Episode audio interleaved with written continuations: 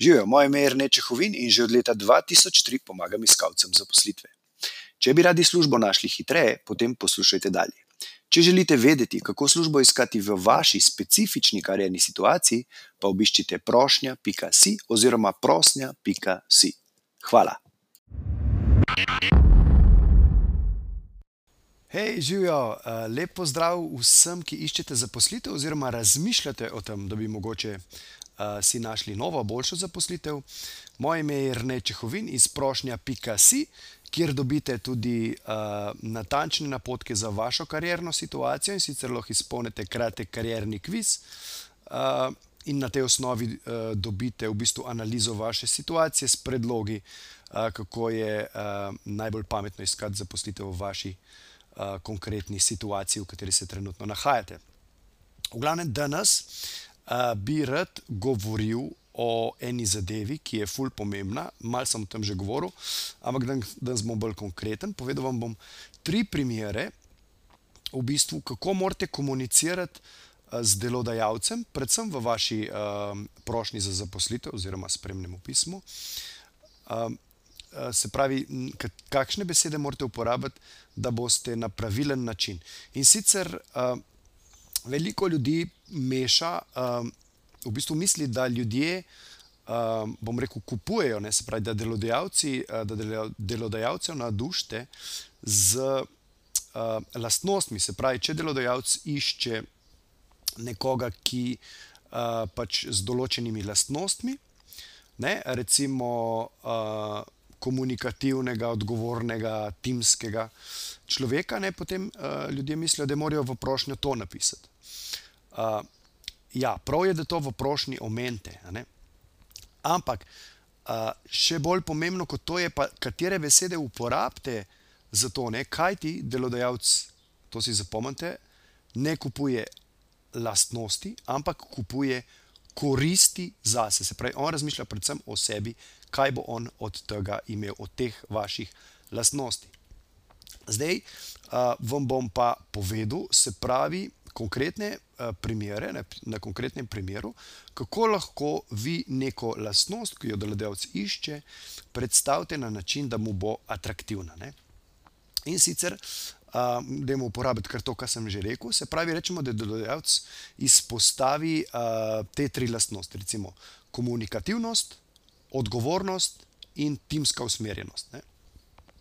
Zdaj pa tako, recimo v vašem tem delu, pač v prošnji, kjer bi to opisovali, bi lahko napisali na primer za, recimo za odgovornost, ne: "S prevzemanjem odgovornosti nimam težav."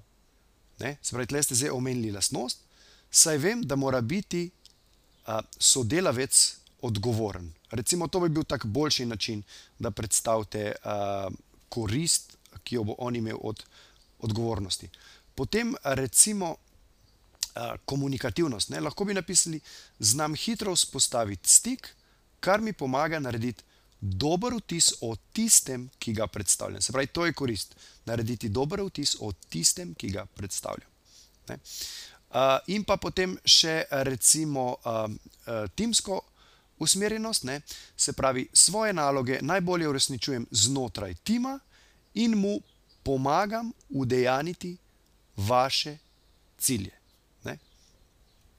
Se pravi, spet se pravi, če se osredotočimo, ne, odgovarjati morate delodajalcu predvsem na vprašanje, kaj bo on od tega imel, ne. In se pravi, na ta način, ke stvari pišete tako, poudarjate v bistvu te koristi, ki jih prinesejo te lastnosti, se pravi, lastnosti omenite, ne, oziroma koristi, izpostavite koristi, ne, kaj lahko naredite, je, da lahko v stavku, kjer to omenjate, korist, se pravi, ta del stavka, ki predstavlja korist delodajalca, recimo primer sem rekel: "S prevzemanjem odgovornosti nimam težav." To debelite. Ostali del, ne: "Saj vem, da mora biti sodelavec odgovoren." Ne, ta del pustite v bistvu normalno pisan, ne. se pravi, koristi so najbolj pomembne, potem jih morate pa s svojimi lastnostmi podkrepiti, ne. Se Pravi, vi morate predvsem pisati o koristih, ki jih bo vaša lastnost prinesla delodajalcu. Uh, to sem v bistvu hotel danes povedati, uh, ker se mi to zdi zelo pomembno, uh, da vsako besedo, vsak stavek, pravzaprav celotno komunikacijo, vedno, uh, bom rekel, prevajate v tak delodajalcu atraktiven jezik. To velja ne samo pri prošnji, ne, ampak tudi, ko boste komunicirali na razgovoru, morate vedno imeti v glavi to misel, se pravi, ok, on se skozi sprašuje, kaj bo on imel od tega, kar mu zdaj jaz govorim. In vi, se pravi, na tak način uh, morate z njim komunicirati, da mu boste uh, zanimivi ne, in si povečate možnosti za pridobitev zaposlitve. Uh, tako da, nič, uh, to je to, moj kratek nasvet za danes. Se pravi, uh, uporabite oboje, predvsem pa uh, lastnosti uh, prevajajte v koristi ne? in se osredotočite predvsem na poudarjanje koristi, ki jih vaše lastnosti prenesejo delodajalcu. To je to.